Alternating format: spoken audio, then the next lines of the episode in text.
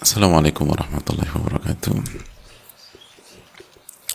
Bismillahirrahmanirrahim. Alhamdulillahi rabbil alamin. Wabihi nasta'in ala umuri wa din. Wassalatu wassalamu ala ashrafi anbiya wal mursalin. Wa ala alihi wa wa man sara ala nahjihi bi isanin ila yaumidin wa ba'd. Hadirin Allah muliakan Alhamdulillah kita panjatkan puji dan syukur kita kepada Allah subhanahu wa atas segala nikmat dan karunia yang Allah berikan dan Allah limpahkan kepada kita. Sebagaimana salawat dan salam semoga senantiasa tercurahkan kepada junjungan kita Nabi kita Muhammadin alaihi salatu wassalam beserta para keluarga, para sahabat dan orang-orang yang istiqomah berjalan di bawah naungan sunnah beliau sampai hari kiamat kelak Hadirin Allah muliakan, Alhamdulillah kita kembali berkumpul, kembali bersua. Dan uh, kembali bersama Riyadus Salihin salah satu buku yang sangat fenomenal yang uh, diterima oleh umat untuk mendampingi kehidupan keseharian mereka. Buku ini dikaji di masjid-masjid di surau-surau di pondok-pondok uh, dalam rangka uh, menemani dan mendampingi kehidupan uh, umat.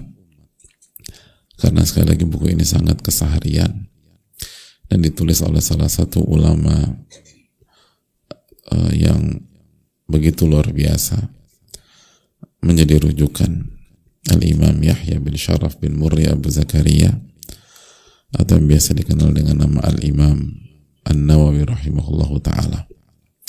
Semoga Allah Subhanahu wa taala menerima seluruh amal beliau dan kita dan semoga Allah merahmati beliau rahmat yang luas dan merahmati keluarga beliau, guru-guru beliau dan semoga Allah merahmati Eh, seluruh umat Islam di mana pun berada. Sebagaimana salawat dan salam sekali lagi marilah kita panjatkan kepada junjungan kita Nabi kita Muhammadin alaihi salatu wassalam beserta para keluarga, para sahabat dan orang-orang yang istiqomah berjalan di bawah naungan sunnah beliau sampai hari kiamat kelak. Uh, hadirin Allah muliakan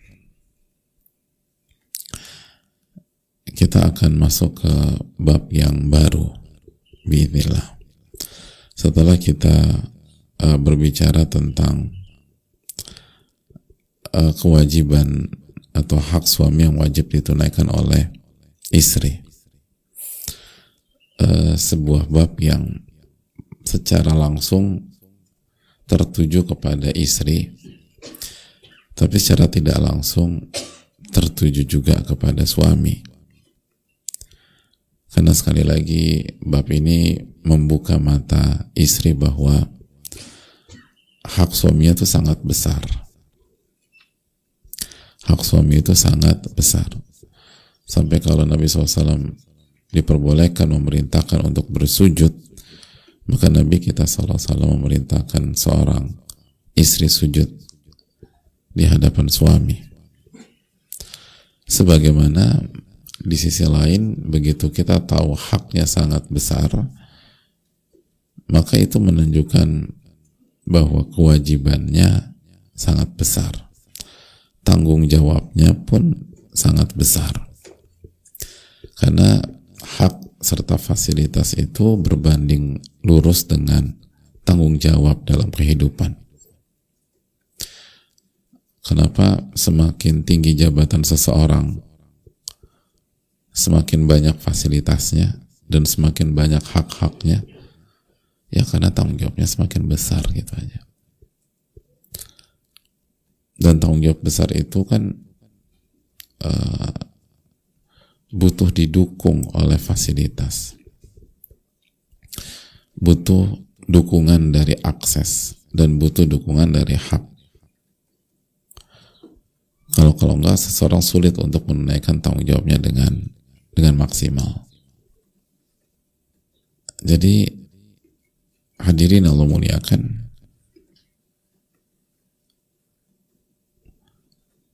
Itu yang harus terus menyadarkan kita. Ini bukan ajang menang-menangan.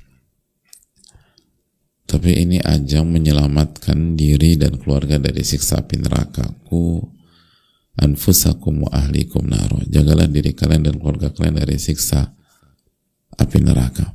Dan ini misi besar. Ini tanggung jawab yang sangat tinggi. Menyelamatkan diri dan keluarga dari siksa api neraka. Maka tanggung jawab sebesar ini harus didukung oleh fasilitas dan hak yang memadai. Makanya istri wajib taat kepada suami selama non maksiat. Karena misinya kayak begini. Susah suami menjaga istri dari kisah neraka kalau istrinya nggak mau taat. Kan demikian hadirin.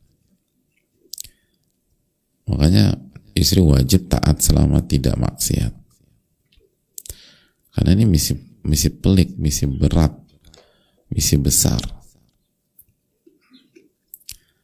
Ku anfusakum wa ahlikum naro. Jagalah diri kalian dan keluarga kalian dari siksa api neraka.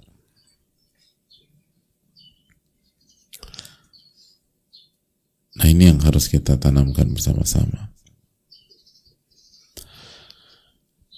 Uh, hadirin Allah muliakan, dan itu cara berpikir yang benar begitu kok aku dapat fasilitas banyak ya? Ya berarti tanggung jawab anda banyak. Berarti kewajiban anda banyak gitu. Kan begitu aja. Ada orang naik bisnis kelas di sebuah pesawat fasilitas aku banyak banget yang aku dapat. Iya. Tapi Anda wajib bayar lebih banyak daripada yang ekonomi kelas gitu aja. Jadi, jadi kewajiban Anda lebih banyak dari yang ekonomi kelas. Makanya Anda dapat lebih banyak juga di pesawat dan sebelum pesawat.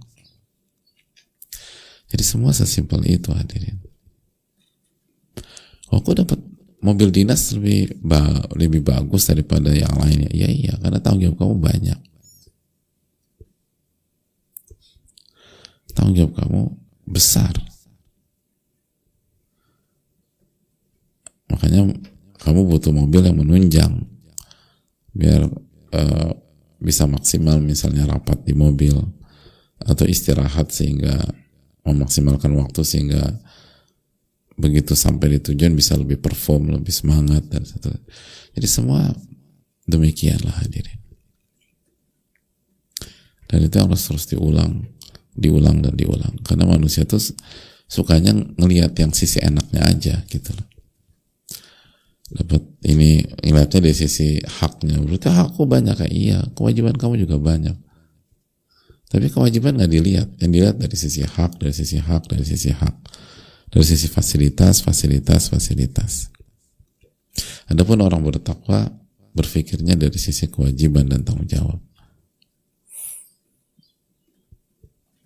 Itu para ulama, para khulafai rasyidin, para nama-nama besar. Berpikir dari segi tanggung jawab. Makanya misalnya Imam Ahmad rahimahullah, muridnya Imam Syafi'i, itu memilih untuk dizolimi. Atau bukan dizolimi terdolimi gitu ya. Padahal dia beliau punya pintu atau jalan keluar dengan mengambil hak beliau. Tapi beliau nggak mau. Karena beliau tang punya tanggung, tanggung jawab besar menjaga imannya umat akidahnya umat. Jadi beliau fokusnya ke tanggung jawab. Tanggung jawab saya adalah menjaga iman dan akidahnya umat bahwa Al-Quranul Karim adalah firman Allah Subhanahu wa Ta'ala.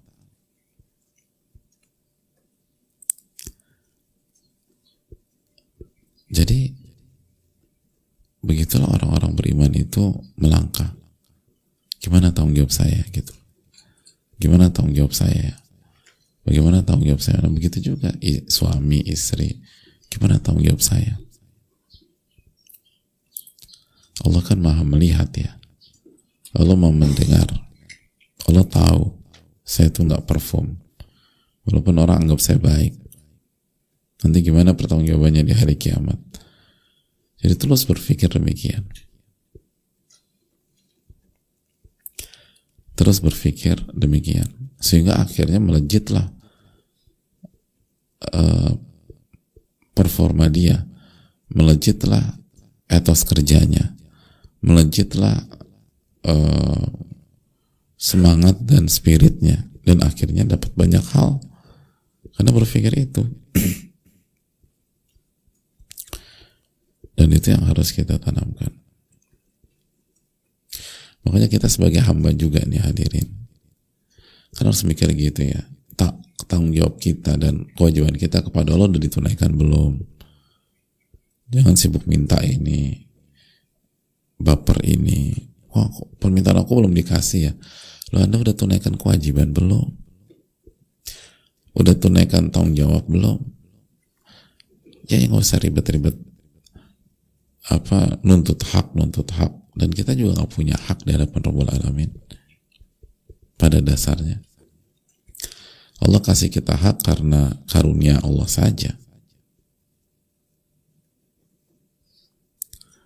makanya kan ada hadis atau terima hakullahi ala ibad wa hakul ibadi ala Allah tahukah engkau apa hak Allah yang wajib ditunaikan oleh hambanya dan apa hak hamba yang wajib ditu yang har yang Allah wajibkan dirinya untuk memberikan itu kepada kita.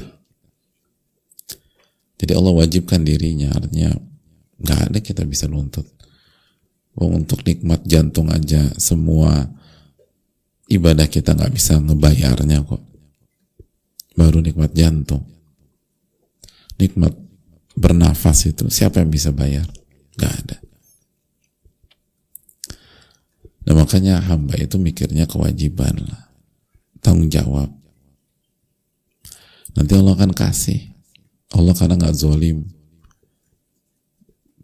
Bahkan Allah itu menyikapi kita dengan rahmatnya. Arhamur rahimin. Yang paling penyayang dan kasih kepada kita nah itu selalu uh, berusaha berpikir demikian Makanya kita masuk surga itu dengan rahmat Allah, kata Nabi SAW. Bukan dengan amal kita. Amal kita mah nggak cukup.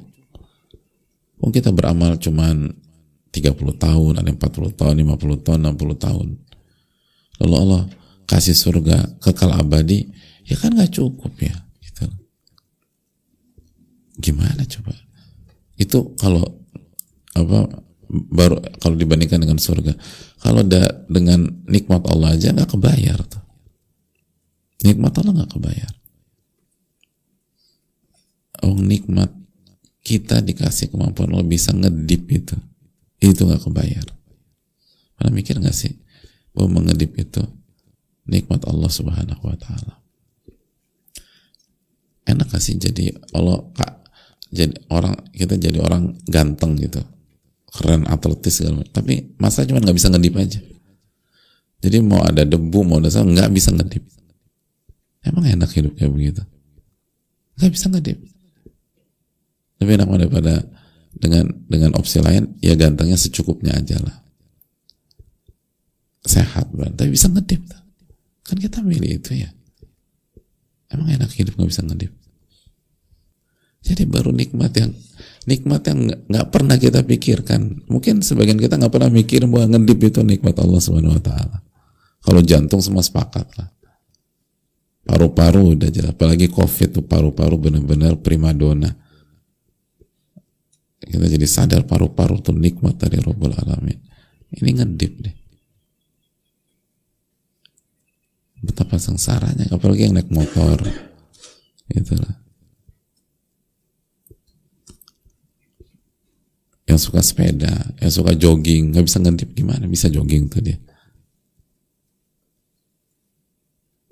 jadi oleh karena itu hadir lu fokus ke kewajiban lah. Lu kita jangan sampai jadi orang yang lucu gitu loh. Sibuk nuntut tapi kewajiban nggak dikerjain. Sedangkan hal yang kecil-kecil atau bukan hal kecil yang nikmat yang kita anggap kecil itu mungkin yang lebih tepat itu aja kita nggak bisa penuhi hak apa kewajiban syukurnya. Nah itu hal yang perlu kita camkan. Nah hadirin Allah muliakan. Makanya ini menarik. Setelah Imam Nawawi rahimahullah taala uh, membawakan uh, bab kewajib uh, hak suami yang wajib ditunaikan oleh istri Lalu Imam Nawawi melanjutkan dengan bab an-nafaqah 'alal iyal. An-nafaqah 'alal iyal. Bab menafkahi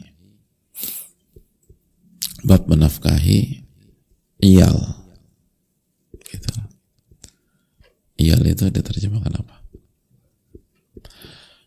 Uh, iyal itu dijelaskan oleh Eh, para ulama fikih adalah uh,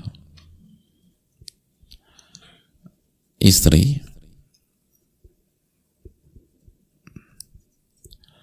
lalu uh, keluarga dan para ulama para ulama fikih menjelaskan uh, keluarga yang um, tapi nanti aja ya. Kita kita apa kita jelaskan pada waktunya lah. Jadi istri keluarga dan hamba sahaya kalau ada zaman tersebut. Itu yang dinamakan iyal. Jadi istri uh, keluarga dan hamba saya jika ada zaman tersebut karena di zaman dulu kan ada hal itu Nah itu harus dinafkahi.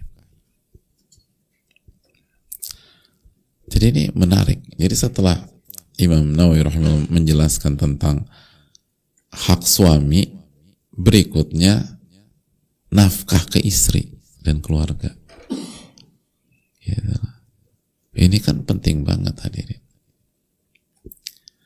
Sehingga dan ini penting salah satu pesannya agar suami tidak tenggelam dalam euforia. Euforia yang mengarah ke berpikir hak, berpikir hak, berpikir hak. Langsung setelah itu bab tentang kewajiban laki-laki, kewajiban suami, kewajiban ayah, kasih nafkah, memberikan nafkah. Jadi hadirin Allah muliakan. Itu tadi. Kita dididik sama ulama itu untuk fokus pada tanggung jawab kita, kewajiban kita. Sebagaimana kita perlu tahu apa hak kita. Hak Anda besar loh. Oh iya. Karena dengan kita tahu hak kita besar, orang-orang yang beriman dan berakal sehat paham bahwa tanggung jawab saya juga besar. Ini nggak mudah. Kan kalau dalam bahasa lapangan nggak ada makan siang gratis hadirin. Kalau pakai bahasa Allah Subhanahu wa taala, "Tsumma la tus'alunna yawma idzin 'anin na'im." pada hari kiamat kalian akan ditanya tentang seluruh nikmat yang kalian dapatkan. Kalau pakai bahasanya Allah Subhanahu wa taala, ayah sabul insanu an yutraka sudah. Dalam surat Al-Qiyamah. Apakah manusia berpikir dia akan ditinggalkan begitu saja? Gak mungkin lah.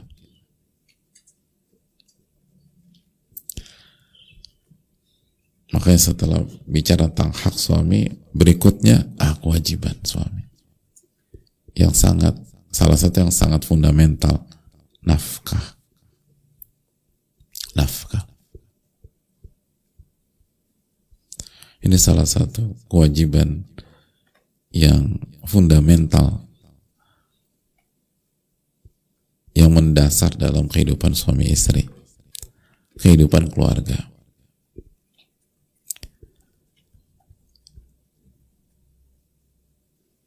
masuk ke bab itu. Biar kita uh, terarah lagi sadar lagi ya saya punya banyak kewajiban nih.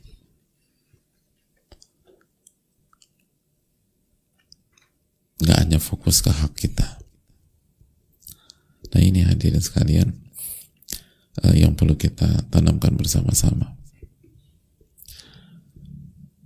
Kewajiban memberikan nafkah kepada iyal. Kepada iyal. Nah dalam hal ini uh, pembicaraan tentang masalah nafkah uh, cukup panjang dalam ilmu fikih. Dan bahkan definisi nafkah pun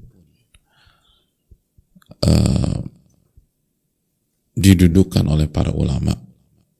Dan ada perbincangan dan ada silang pendapat tentang definisi nafkah itu sendiri. Lalu apa syarat-syaratnya? Apa syarat-syaratnya? Seperti keluarga tadi. Keluarga itu apalagi orang Indonesia ya, semua keluarga udah dalam tanda kutip. Ya nggak sih?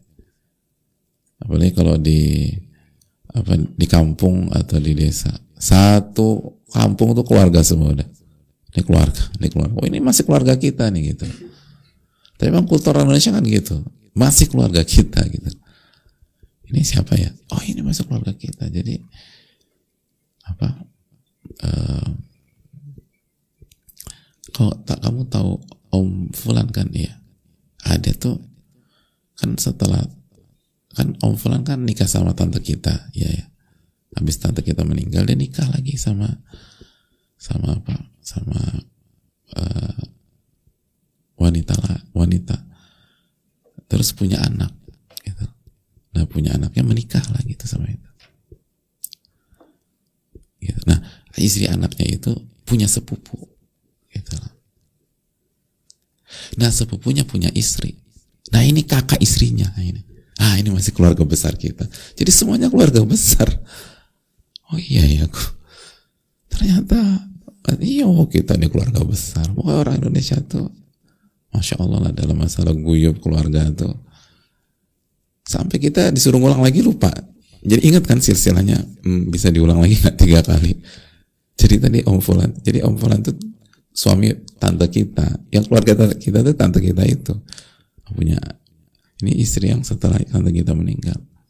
Punya anak anaknya punya sepupu itu kakaknya sepupunya eh kakaknya istrinya pokoknya Nah ini kan perlu didudukkan. Jadi keluarga yang mana yang ini masalah kewajiban nafkah loh, nggak mudah. Nah seperti apa sih uh, syarat berhak mendapatkan nafkah?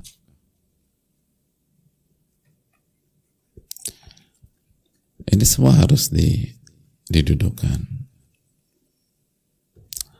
Semua harus didudukkan. Dan insya Allah kita akan bahas dengan segala keterbatasan kita dan kekurangan ilmu kita dengan meminta pertolongan kepada Allah lalu kita jelaskan keterangan para ulama kita biidnillahi ta'ala. Saya rasa cukup untuk mukaddimah bab ini. Eh, dan insya Allah kita akan eh, masuk ke poin-poinnya dan kita bahas uh, ayatnya di pertemuan yang berikutnya insya Allah ta'ala. Eh, kita buka sedikit waktu untuk sesi tanya jawab. Wassalamualaikum. Assalamualaikum warahmatullahi wabarakatuh. Waalaikumsalam warahmatullahi wabarakatuh. Uh, Bismillah. Mohon maaf Ustadz saya ingin bertanya. Uh, silahkan tapi jangan lupa doakan Imam Nawawi hadirin. Doakan ulama-ulama kita, doakan yang kasih ilmu kepada kita. Ilmu itu lebih mewah daripada harta. Di dunia dan di akhirat kalau kita dikasih uang saja kita akan terima kasih terima kasih terima kasih kita doain.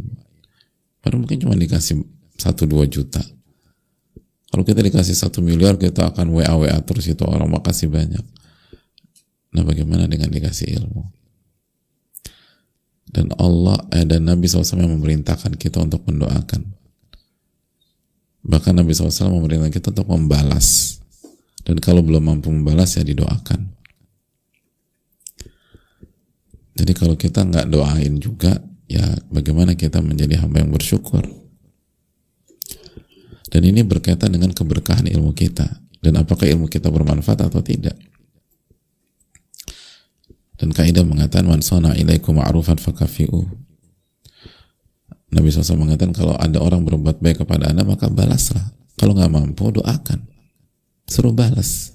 Hadirin karena itu itu salah satu bentuk bersyukur kepada manusia. La syukurullah ma nas gak bersyukur kepada Allah orang yang tidak bersyukur kepada manusia. Jadi jangan pernah lupakan itu. Karena itu ada opsi terakhir. Mem hanya mendoakan itu opsi terakhir. Kalau kita udah nggak mendoakan terus gimana kita jadi hamba yang bersyukur? Bahkan kita dituntut untuk membalas semaksimal mungkin jadi kita kita harus pikirkan bukan hanya mendoakan gimana cara saya balas karena itu perintah. Nah kalau belum bisa adoain deh. Tapi mungkin penanya lupa atau belum tahu nah makanya kita perlu mengedukasi. Saya ingin bertanya berkaitan dengan masalah nafkah, benarkah ucapan seseorang suami terhadap istrinya bahwa nafkah istri itu terserah suaminya? Mau ngasih 20 ribu, mau kasih 10 ribu, sehari nggak ada masalah. Yang penting istrinya ridho. Kalau nggak terima ya silakan istri melakukan hulu. E, padahal realitinya sang suami sendiri hidup dengan biaya sandang pangan yang cukup wah makan selalu pengennya yang enak-enak dan beli baju juga yang mahal-mahal. Di sisi lain secara halus sang istri disuruh banting tulang ikut mencari nafkah untuk mencukupi kebutuhan hidup anak-anaknya yang cukup banyak, lebih dari tiga orang anak-anaknya. Sebenarnya dalam syariat Islam itu sandang pangan papan istri dan anak-anak itu menjadi tanggung jawab siapa Ustadz? Kenapa ketika sang istri mampu membantu suami untuk mencari nafkah, justru suami malah menyerahkan segala urusan kebutuhan anak-anaknya kepada istrinya? Karena dia merasa sudah ngasih nafkah, walaupun cuma 20 ribu sehari. 20 ribu sehari. Ditambah lagi dengan kemampuan yang terbatas, sang suami memaksakan diri untuk kawin lagi. Sehingga menjadi beban istri bertambah berat karena harus menanggung beban sandang pangan dan pendidikan anak-anak disebabkan suami memberi nafkah ala kadarnya. Padahal katanya laki-laki itu lebih mengedepankan akalnya daripada perasaan. Namun kenapa ketika memberi nafkah tidak mengedepankan akalnya, tapi nafsunya? Sementara kita semua tahu realita hidup zaman sekarang. Uang 20 uang 20 ribu sehari cuma cukup beli buat beli beras Alhamdulillah, bukan berarti istri nggak bersyukur Ustaz, tapi realitanya memang nggak cukup untuk membeli, untuk memenuhi kebutuhan pokok istri dan anak-anak. Mohon pencerahan Ustaz Jazakallah khairan. Iya, terima kasih atas pertanyaannya. Uh, nah, di sini pentingnya kita uh, belajar hadirin. Baik istri apalagi suami gitu loh dan semoga Allah uh, lindungi kita dari hal-hal seperti ini. Uh, nanti kita akan bahas tentang nafkah dan kita akan membahas surat At-Talaq ayat 7 bismillah. Ketika Allah berfirman liun fiqtu sa'atin min sa'atih hendaklah seseorang itu memberikan nafkah sesuai dengan kelapangannya keluasannya. Jadi kalau mampunya, kalau mampunya besar ya besar. Lalu Allah berfirman, "Man qudira alaihi rizquhu falyunfik mimma atahullah." Dan barang siapa yang eh, nggak uh, punya uang, rizkinya itu disempitkan sama Allah, maka memberikan nafkahlah sesuai dengan uh, kemampuannya tersebut. Jadi Allah berfirman kalau Allah kasih rizki yang lapang ya kasih istri lapang. Kalau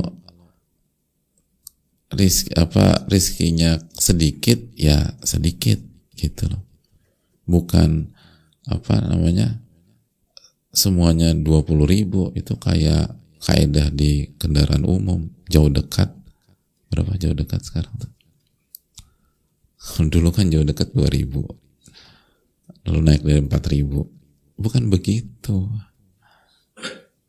Makanya pentingnya ilmu sebelum nikah itu loh hadirin. Oh kita mau kita mau apa mau kerja aja sebelum masuk sebelum apa kita di misalnya di training dulu segala dan salah satunya adalah kita harus tahu apa kewajiban dan apa hak kita tuh harus tahu. Dan harus clear bukan pakai tafsir kita. Kita masuk ke perusahaan ya kita ngikutin peraturan perusahaan tersebut bukan pakai asumsi dan tafsir kita. Kata perusahaan e, tidak ada yang boleh terlambat dan harus datang on time kata perusahaan. Lalu kita datang jam 11 ditegur lah kenapa anda datang jam 11 e, kalau bagi saya nih pak ya jam 11 itu masih on time. Yang terlambat itu kalau 11.15 gitu. Ya kan ngamuk lah perusahaannya. Bukan pakai tafsir anda tapi pakai pandangan kami. On time itu masuk jam setengah delapan kata perusahaan setengah delapan lebih satu menit itu sudah terlambat anda itu datang jam sebelas Jadi ini penting hadirin. Dan hati-hati melakukan kezoliman di rumah tangga. Karena kezoliman di rumah tangga sering kali itu gak disadari. Atau pura-pura gak sadar. Dan akhirnya berlarut-larut. Dan orang tuh bisa bertahun-tahun ngezolimin. Dan itu kan hisapnya berat di sisi Allah. dan berpikir ini sudah fine fine aja kayak baik baik aja nggak ada masalah apanya nggak ada masalah anda nggak menafkahi istri anda itu masalah besar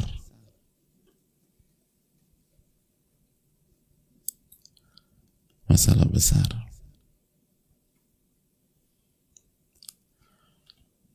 tapi kan karena istrinya rid Mungkin istrinya nggak ridho kali ya, tapi nggak bisa buat apa-apa. Dan sering kali nih hadirin, ini tuh bukan masalah angka sering kali. Ada banyak istri, itu jangankan dikasih 20 ribu, 10 ribu itu senangnya minta ampun. Cuma dikasih 10 ribu aja. Karena nafkah itu kan simbol perhatian, penjagaan. Lalu uh, pengaturan gitu loh. Terus uh, simbol pengayoman. Itu. Kalau yang kita tangkap penanya tadi hafizahullah itu itu kan bukan arahnya itu kan bukan sebatas dikasih 20 ribu sehari tapi arahnya merasa terzolimi kok suami bisa makan enak kita cuma dikasih 20 ribu kok bisa beri barang-barang yang mahal kita cuma dikasih 10 ribu? Terus kawin lagi. Terus beban disuruh istri yang nanggung itu kan intinya. Bukan tentang angka. Jadi sering kali di, di lapangan itu istri itu bukan tentang angka. Ada banyak wanita baik gitu loh yang terzolimi di luar sana gitu apalagi kan pada dasarnya wanita-wanita Indonesia tuh baik-baik gitu loh hadirin. Ridho-ridho gitu. Lihat aja ibu-ibu kita. Terus nenek-nenek kita terus segala macam. Itu kan begitu. Dikasih apanya? Ayo.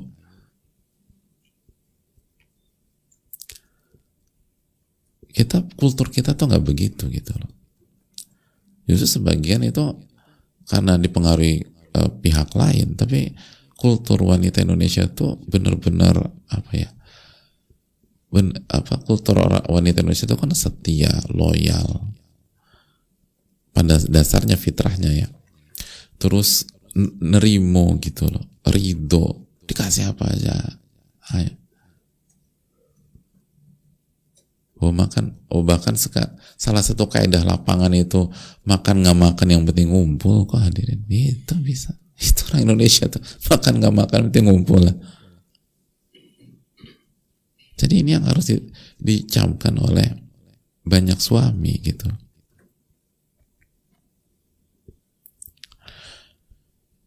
Kalau memang nggak punya uang karena kalau nggak punya udah berusaha nggak cuman itu secara umum tuh wanita Indonesia tuh rindu. Dan akan inisiatif ngebantu suami tanpa diminta jualan inilah ke pasar lah gitu kan. Dan apalagi kan yang jualan ini kan itu berangkat jam 2 gitu loh. Coba aja lihat kalau kalau, kalau makanya coba misalnya kalau ada waktu misalnya jam 2 gitu coba jalan-jalan lah ke pasar minggu gitu kalau orang Jakarta. Ke beberapa pasar-pasar tradisional? Atau kalau di desa pergi gitu. Itu kan didominasi oleh siapa tuh yang beli segala macam. Atau kalau nggak mendominasi wanita yang beli dan itu banyak apa nggak? Banyak. Itu jam 2 malam. Dan senang aja gitu loh ngebantu suami gitu. Jadi sekali lagi sering kali ini bukan tentang itu. Ini tentang uh, sering kali merasa terzolimi arogansi gitu-gitu kan. Makanya pentingnya belajar lah hadirin. Dan tanggung jawab kita sebagai laki-laki ini besar. Mungkin istri kita nggak bisa buat apa-apa. Tapi kan robnya istri kita nggak zolim hadirin. Rob istri kita dan Rob kita itu Samiul Basir, maha mendengar, maha melihat. Dan kita bertanggung jawab bukan kita tuh nggak nggak usah mikirin di sidang istri. Sebagian istri itu dibentak suaminya udah diem aja udah. Kita ini akan disidang oleh Malik Yaumiddin itu yang jadi masalah dan Allah mengatakan liunfik dhu sa'atin min sa'atih hendaknya orang yang punya kelapangan harta menafkahi istrinya sesuai dengan kelapangannya tersebut gitu. Itu jelas surat tolak ayat 7 dan insya Allah kita akan bahas ayat tersebut. Itu dalil kedua. Dalil kedua. Dan insya Allah kita akan bahas. Jadi jelas ini tidak uh, perlu ditinjau ulang kembali. Dan hendaknya bagi istri sabar. Dan Allah nggak tidur. Dan Allah tidak ridho dengan segala kezoliman yang yang paling uh, dikhawatirkan dengan kasus seperti ini bukan istrinya tapi suaminya karena orang zalim kan kata Allah nggak akan beruntung hidupnya, nggak akan beruntung. Orang zalim tuh hidupnya nggak akan beruntung. Tapi kalau apa namanya istri berusaha tetap di jalan Allah Subhanahu Wa Taala, lalu berusaha bertakwa kepada Allah dan hati kita jangan bergantung kepada makhluk. Lalu coba konsultasikan kepada ahli ilmu yang bisa uh, kita akses untuk lebih men mendalami masalah ini dan ajak suami untuk belajar, untuk ngaji. Tanggung jawabnya berat. Maka semoga Allah memberikan taufiknya amin ya rabbal alamin. Assalamualaikum Waalaikumsalam Ustaz mau tanya apakah dibenarkan si istri agak kurang suka jika suami beli sesuatu beli sesuatu seorang istri tidak tahu Terkadang seorang istri merasa terzolimi. Apakah ini termasuk penyakit? Terima kasih atas pertanyaannya. uh, jika ini di luar kotak kotak istri dan hak istri diberikan oleh suami maka tidak ada syarat istri harus tahu semua yang dibeli oleh suami. Tidak ada syarat. Yang terpenting itu uh, hak istri dipenuhi. Tapi selebih dari itu pada dasarnya setiap orang bertanggung jawab pada kotak masing-masing. Kalau suami kasih tahu alhamdulillah dan kita uh, berarti dipercaya. Lalu kita jangan hanya diam aja. Kalau rasa kurang tepat atau apa kasih nasihat dengan cara yang terbaik. Tapi kalau suami tidak kasih tahu husnudon kepada suami. Dan alhamdulillah juga. Berarti suami tidak mau membebankan kita. Gitu aja. Dan tetap mempercayai kita jadi bukan berarti kalau suami nggak kasih tahu berarti ada dusta di antara kita. Atau ada game yang sedang dimainkan suami. Enggak lah terlalu ribet banget mikirnya. Kalau suami nggak kasih tahu berarti suami nggak mau memberatkan pikiran kita. Nggak mau nambah uh, nambah PR kita atau pekerjaan dan urusan kita. Gitu. Dan itu hak beliau kecuali kalau belinya pakai uang kita apa itu beda lagi. Tapi kalau itu itu uang suami dan seterusnya. Yang paling penting tuh bukan kita tahu apa yang suami beli. Bukan. Yang terpenting itu kita dampingi suami untuk selalu bertakwa. Kalau suami bertakwa semuanya aman hadirin. Mana orang bertakwa berani belanja berlebih-lebihan atau beli sesuatu yang nggak ada gunanya? Wong dia yakin dengan firman Allah wala tusrifu. Jangan berlebih-lebihan. Allah nggak suka sama yang berlebih-lebihan dan melampaui batas. Ia yakin bahwa semua dihisap sama Allah Subhanahu wa taala. Ia yakin apa yang dibeli di depan istri atau di belakang istri nggak ada bedanya di hadapan Allah. Nggak ada bedanya. Nggak ada bedanya. Ini semua tentang maslahat sangat wajar ketika suami membeli sesuatu di sebagian dikasih tahu istrinya sebagian enggak sangat wajar dan bisa jadi dalam beberapa hal harus demikian bisa jadi ya. Intinya istri nggak boleh dizolimi. Dan hak istri harus dikasih. Kecuali istri menanggalkan haknya. Dan sudah ada kesepakatan sebelumnya. Sudah ada kesepakatan sebelumnya. Jadi uh, dan dan mental ingin tahu urusan orang itu nggak nggak sehat hadir dan capek kita. Dan salah satunya adalah urusan suami kita. Nggak harus suami istri tahu. Kalau istri, suami cerita, Alhamdulillah. Beliau mau berbagi dengan kita, berbagi cerita atau apa, Alhamdulillah. Kalau enggak, Alhamdulillah. Berarti beliau nggak mau merepotkan kita. Kita fokus aja di kotak kita. Wong kotak kita masih banyak. Ngapain ngurus kotak yang lain? Kul kulun ya'malu ala syakilati. Allah berfirman, Katakanlah hendaknya setiap orang bermain di kotak masing-masing, beramal sesuai dengan kotaknya.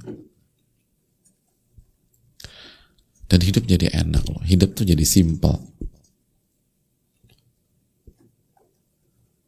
Dan nggak paranoid, nggak ketakutan, nggak nggak. Karena karena hidupnya dengan iman. Allah tahu bahwa Allah akan jaga kita kalau kita jaga hak Allah. Ihfadillaha yahfadka. Jagalah hak Allah insya Allah akan jaga kita. Udah nggak usah ribet-ribet. Yang penting ingetin saling kasih nasihat. Pentingnya kita bertakwa sebagai suami dan istri. Tauhidnya dikuatkan iman terhadap asma wa sifatnya itu didalamkan. Selebihnya selebihnya nggak ada akan ada masalah biidnillahi ta'ala. Saya rasa cukup sampai di sini jazakallah khairan. Eh, semoga Allah memberikan taufik kepada kita. Subhanakallahumma wa Assalamualaikum warahmatullahi wabarakatuh. Alhamdulillah, atas taufik dari Allah Subhanahu wa taala, kegiatan Muhajir Project Tilawah hingga saat ini berjalan dengan 43 guru, 718 peserta hits, 64 peserta mahir, 234 peserta hirs. Saudaraku, dengan memohon pertolongan Allah Subhanahu wa taala, Muhajir Project Tilawah membuka kesempatan bagi kita semua untuk berjuang bersama dalam memberantas buta huruf Al-Quran dan program belajar di berbagai jenjang. Program yang dilaksanakan di antaranya meliputi pembinaan murid program HITS, Halaqah Iqra dan Tajwid Spesial, pembinaan pengajar Al-Quran Muhajir Project Tilawah, program Halaqah Iqra Ramadan Spesial, HIRS, program Halaqah Tahsin Al-Fatihah, program kelas bahasa Al-Quran, program pembinaan Dai Islam, serta program lainnya. Belajar dan mengajarkan Al-Quran merupakan amal soleh yang penuh dengan pahala jariah, insya Allah. Bahkan, Rasulullah Shallallahu Alaihi Wasallam menyebut umatnya yang belajar dan mengajarkan Al-Quran sebagai manusia terbaik. Dari Utsman bin Affan radhiyallahu anhu, beliau berkata bahwasanya Nabi Shallallahu Alaihi Wasallam bersabda, sebaik-baik orang di antara kamu adalah orang yang belajar Al-Quran dan mengajarkannya. Hadis riwayat Bukhari. Sampaikan dukungan terbaik kita semua ke Bank Syariah Indonesia 451 1111 811 166 atas nama Yayasan Muhajir Peduli Indonesia. Semoga Allah menerima amal kita semua. Follow Muhajir Project Tilawah di Facebook dan Instagram at Muhajir Project Tilawah.